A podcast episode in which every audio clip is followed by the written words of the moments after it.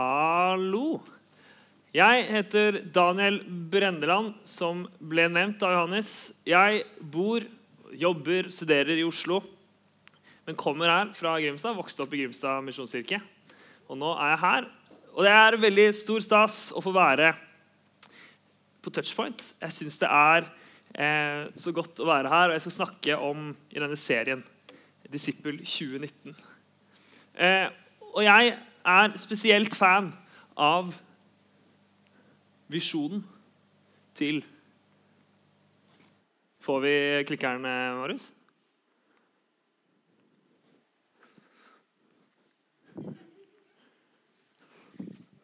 Du får klikke, du. Jeg er spesielt fan av Touchpoint pga. Eh, visjonen. Jeg syns visjonen er helt herlig. Eh, vår visjon er å nå mennesker som er borte fra Gud og menighet, og gjøre dem til etterfølgere av Jesus. Og Det er den siste delen som er i fokus i den taleserien som dere har nå, som jeg skal snakke om. Eh, etterfølgere. Disippelskap. Disipler. Målet med Touchpoint er at de som er borte fra Gud og menighet, de skal få komme nærmere Jesus og bli etterfølgere. Og så tror jeg den, den beste måten at mennesker kommer nær Gud og menighet, det er at de som allerede er etterfølgere, tar noe, enda noen skritt nærmere Jesus. At de knytter relasjoner og peker på Jesus med, med sitt liv. Det tror jeg er den måten at mennesker kommer nærmere.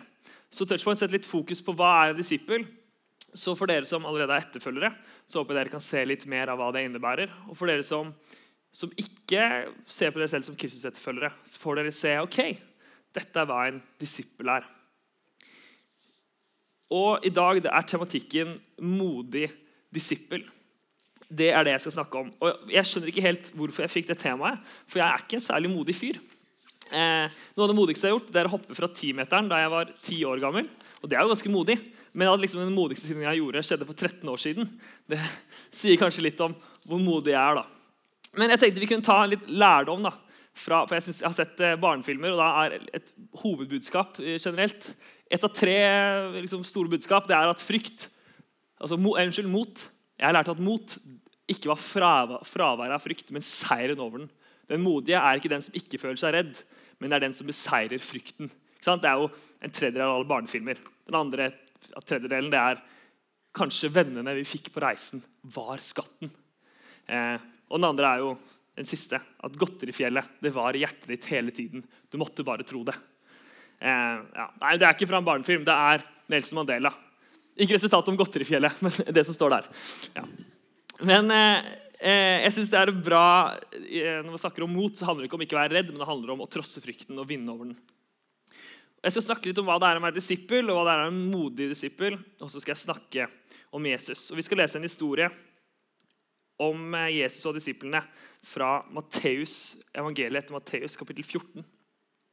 Eh, og Før den historien vi skal lese, så eh, er det sånn at Jesus han, han er kjempepopulær. Jeg må fortelle deg litt settingen. Kjempepopulær fyr. Folk digger han, Det strømmer folkemengder til han, for han underviser og så gjør han mirakler og helbreder. Eh, og det er sånn at Jesus er ute i ødemarken, for at han trekker seg litt unna. Men så kommer folk til ham. Og Det står at det er 5000 menn, og da har de ikke telt med kvinner og barn. Og så mater Jesus disse her med to fisker og fem brød. Det er det som skjer før historien. Eh, så kan vi lese fra Matteusevangeliet, kapittel 14, fra vers 22 og utover. Straks etter fikk han disiplene til å gå i båten og dra i forveien over til den andre siden, mens han selv sendte folk av sted. Da han hadde gjort det, gikk han opp i fjellet for å være for seg selv og be. Og Da kvelden kom, var han der alene. Båten var allerede langt fra land, og den kjempet seg fram i bølgene, for det var motvind. Jesus han har da en skokk etterfølgere, 5000 mennesker foruten kvinner og barn. Men så har han også et helt spesielt forhold med tolv stykker. En indre krets. Disiplene. Så Jesus sender folkemengden hjem. Han er alene og ber på fjellet og har sendt disiplene foran seg. Og bare For å begynne med å se litt på dette ordet disipler, som er utøvet, så er det ja, et annet ord for eh, elev eller lærling. Men jeg tror liksom elev det er et ganske dårlig bilde. At Hvis du ser for deg noen sitte bak en pult når du tenker på en, en disippel, Da er vi litt ute å kjøre. Det er ikke liksom en skoleelev. Det er snakk om en læring, lærling. En som lærer av en mester. En som følger etter en som har peiling. En disippel formes av, av sin mester. Så Jesus for eksempel, så at han trekker seg unna for å be. Og så er det også sånn, Når du leser evangeliene, så ser du at Jesus lærer jo disiplene faktisk det å be. Lærer opp i faget. Han gir de Herrens bønn, eh, denne Fader vår, eller eh, ja, denne bønnen. Og så er det sånn at Jesus han går rundt og forkynner evangeliet om riket. Og Fire kapitler før denne historien så står det at han sender ut disiplene for å helbrede, drive ut demoner, gjøre mirakler og forkynne de gode nyhetene om riket. Så disiplene det er folk som lærer av Jesus, læres opp i faget og blir mer lik ham. Så Det første poenget første jeg vil trekke fram om det å være en disippel, er at en disippel det er en modig disippel. Du er ikke en etterfølger av Jesus, du er ikke en disippel av Jesus uten å være modig. Det ligger liksom i selve det å være en disippel. For når du følger etter Jesus, så formes du av han. Da velger du å formes av Jesus. Du velger å formes av Jesus og ikke av samfunnet først og fremst. Og når man formes av Jesus heller enn samfunnet, først og fremst, da havner man på utsiden. Da går man litt utenfor det normale. Og jeg tror en ganske sånn iboende menneskelig frykt det er å havne på utsiden av det normale. Vi har jo et stort behov for å være en del av fellesskapet, for å ta vare på hverandre, for å ha relasjoner. Så det å havne på utsiden det er litt skummelt. Men å følge etter Jesus det setter oss faktisk på utsiden. Det tar oss bort fra normalen. Vi kan formes av reklame. At alt vi eier, hva vi bruker penger på, det kan formes av reklame. Eller så kan hva vi bruker pengene på, det kan bestemmes av Jesus, bestemmes av etterfølgelsen av han. Vi kan formes av sosiale medier og influensere. Det kan avgjøre hvordan vi ser på oss selv, hva vi bruker energien på. Eller så kan vi formes av, formes av Jesus om hvordan vi tenker om oss selv. Vi kan formes av nyheter, formes av utdanning, formes av politikken. Det kan avgjøre hva og hvordan vi tenker. Eller så kan vårt sinn formes av Jesus. Så Vi kan formes av samfunnet, og det kan avgjøre hvordan vårt liv ser ut. hvilke valg vi tar. Eller så kan man formes av Jesus. Så en disippel det er en mo, altså, Er man disippel, så er man en modig disippel. fordi da sier man ja, jeg vil havne på utsiden. Jeg vil være det kommer til å være annerledes, men jeg tror det kommer til å være rett og det kommer til å være godt. Så er en disippel det er å ha motet til å si jeg plasserer meg på utsiden, men jeg går for det som er rett, går for det som er godt. Så Det var første punkt, og vi har ikke måtte, begynt på historien med det gode actionet. For nå, nå kommer det, folkens. Men i den fjerde nattevakten kom han til dem, og de er på en båt. Legg merke til at de er på en båt. Kom til dem gående på sjøen. Da disiplene fikk se ham der han gikk på vannet, ble de skrekkslagne.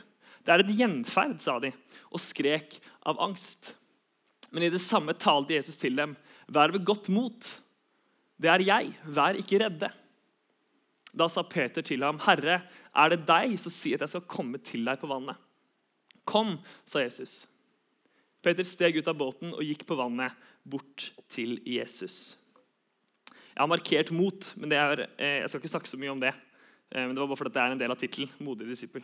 Eh, jeg skal si mer på det her, at det er markert i gult. Kom! Jesus går på vannet, og Peter ser det. Peter ser sin mester gå på vannet, og så sier han, 'Herre, er det deg?' Så sier jeg at jeg skal komme til deg på vannet. Og Jesus svarer, 'Kom'. Og Peter, han går ut. Og Dette er jo en merkelig historie. Den er så kort beskrevet. Men liksom, la oss prøve å leve oss litt inn. da. Du er i en båt, det er motvind, det er litt stress, det er fjerde nattevakt. Jeg vet ikke hvor seint det er, men det er sikkert såpass seint at du er litt trøtt. Og så plutselig så ser du liksom en skikkelse komme gående, og du er sånn her, Er det et gjenferd? Og så ser du Er det Jesus? Og så blir du sånn, blir sånn letta. Og så blir det sånn her, Hvordan kan Jesus gå på vannet? Og Så blir du overraska og, og, skremt. Og så blir du sånn her, men Drømmer jeg? Hva er det som skjer? At liksom, Det er så mye forvirring og så mye storm. Og så sier Peter kanskje jeg også skal gå på vannet? Han liksom går på, Jeg skjønner ikke hva Peter tenkte. Jeg tror, jeg tror kanskje han ikke gjorde det. Jeg tror det var sånn her, ja, Kan Jesus, kan jeg? Eh, heldigvis sier han er det deg? Han stoler på Jesus nok da, til, å, til, å, si hvis det er deg, så kan vel jeg gå ut. Men eh, nei, Peter er eh, Altså, jeg, synes, eh, jeg vil jo tenke at han ikke er modig, at han er dum. Men, men, så går han jo på vannet, og da er han på en måte modig. Men hvis han bare hadde liksom falt med en gang, da hadde han vært dum. Da, men er, han er modig fordi det gikk. så derfor kunne vi ta denne historien.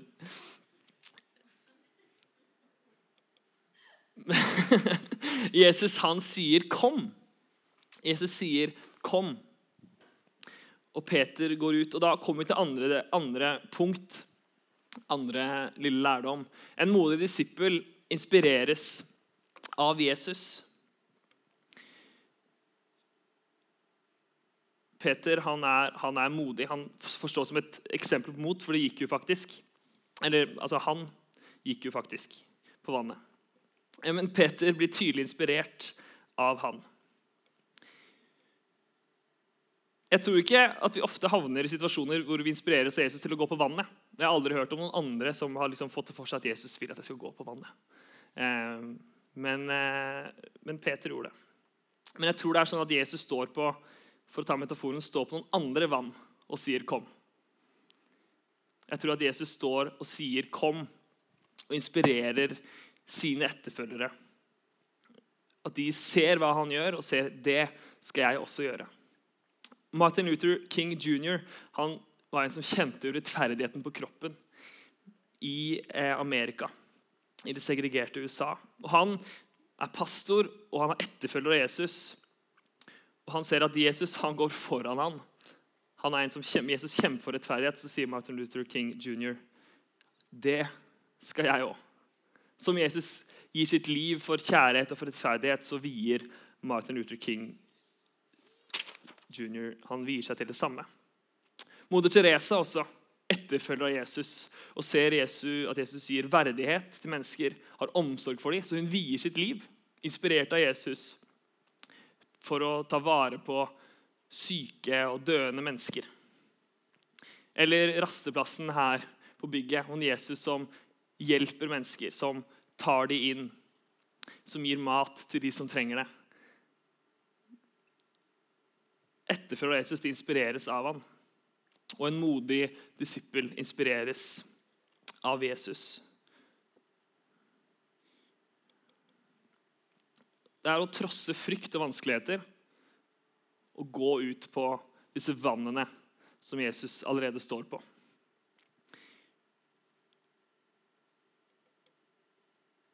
Det er eh, min overbevisning at å være disippel det omfatter hele livet.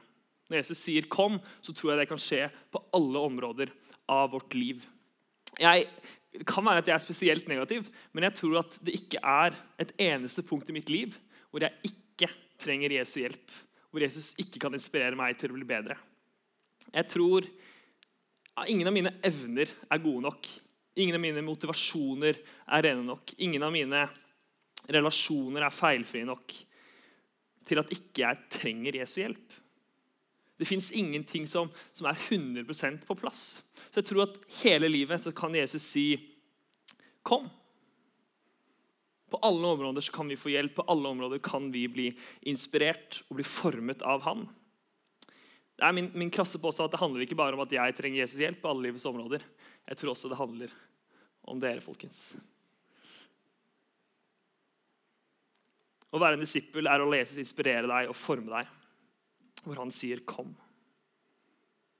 Og så er spørsmålet som jeg håper at dere kan ta litt med dere, det er hvor står Jesus og sier 'kom'? Hvor blir du inspirert? Når vi leser om Jesus, når vi hører om det som blir sagt med ham, når vi ser andre leve i etterfølgelsen, hvor blir vi inspirert? Hvor blir vi, hvor blir vi truffet? Og Jeg har en lang liste med områder i livet jeg skal bare si, prøve å si to setninger om hver ting. Kanskje du blir inspirert når det kommer til miljø. At du ønsker å forvalte vår verden rett og godt. At du inspireres til å fortelle da, at livet ikke burde være dårlig forbruk og farlig utnytting av ressurser, men det er god og rett forvaltning. Kanskje der sier Jesus 'kom'. Kanskje handler det om å invitere mennesker. Du ser at din vennekrets er litt lukka. At hvem du er med, det er, det er begrensa. Altså, ensomhet og adskillelse det er, det er vondt, og det er noe som preger vårt samfunn. Kanskje du ser at Jesus sier til deg, 'Kom ut hit i denne, om dette vannet som er inkludering'. Kanskje handler det om evangelisering. At du blir inspirert av de gode nyhetene og ønsker å dele de videre. Kanskje handler det om vaner, om bønn, om bibellesning og praksiser.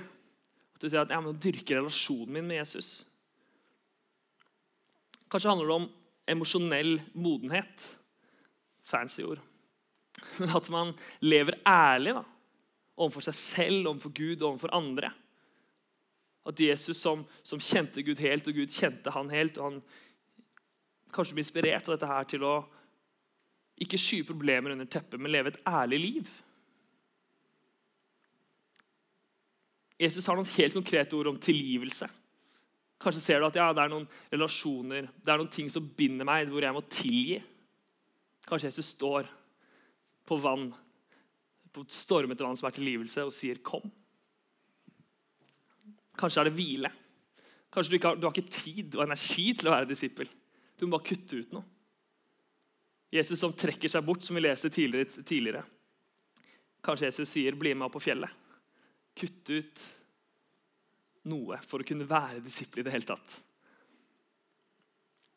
Og Noe som jeg er ganske opptatt av karrieren din.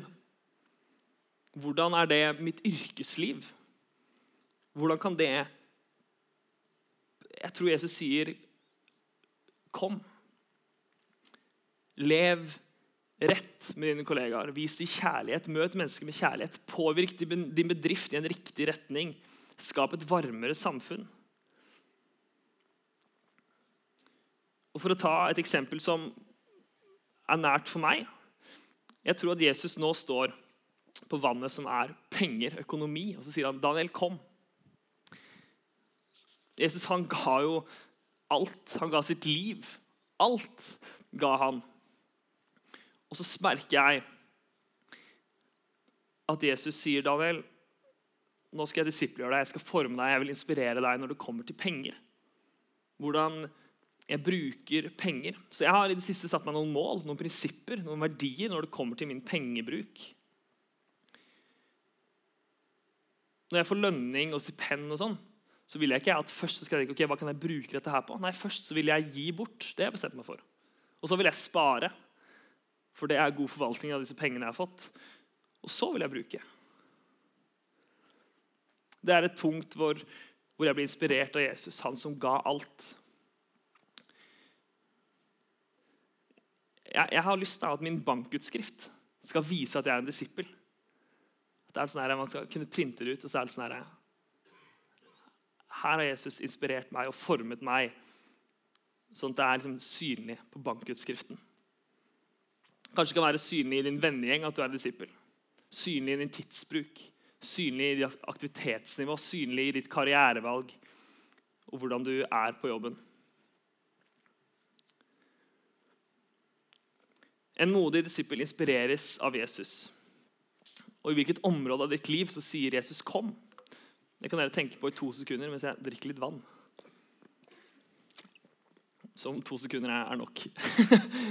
Men eh, jeg tror jeg skal ha, man trenger tid og refleksjon og samtale og bønn kanskje for å se hvor er det Jesus sier 'kom', hvor er det han inspirerer deg. Hvor er det han vil at du skal gå ut av, gå ut av båten? Ut av det enkle og trygge. Til siste del av historien Men da han, altså Peter, så hvor hardt det blåste, ble han redd. Han begynte å synke og ropte, 'Herre, berg meg.'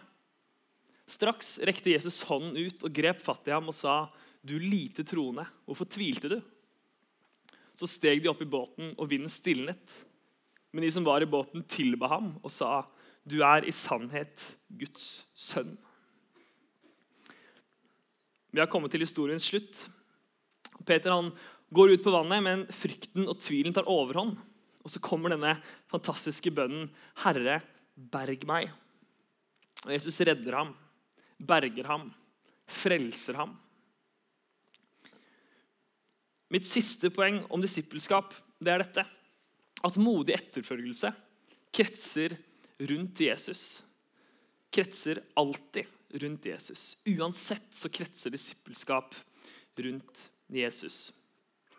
Uansett hvordan det går som disippel, uansett hvordan det, hvordan, når man velger å være en disippel, uansett hvordan det går, så opphøyer det Jesus. Om du tar et steg i tro, og vannet under deg holder deg oppe, og så peker det på Jesu kraft, på hans gjerning. Hvis det er deg, Herre, så sier jeg skal komme til deg, sier Peter. Når Peter går på vannet, så peker det på Jesus som Guds sønn. Så Dette her er mer enn bare et menneske.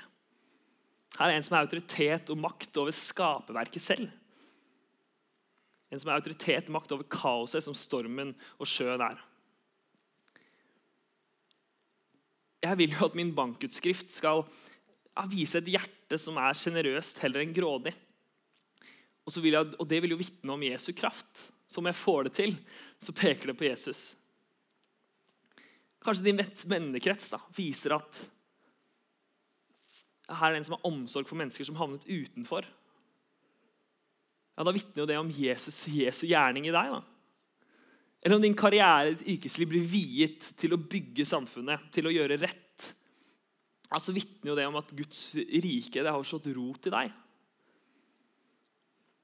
Når vi får det til som disipler, da opphører det Jesus. Da peker det på ham på en god måte.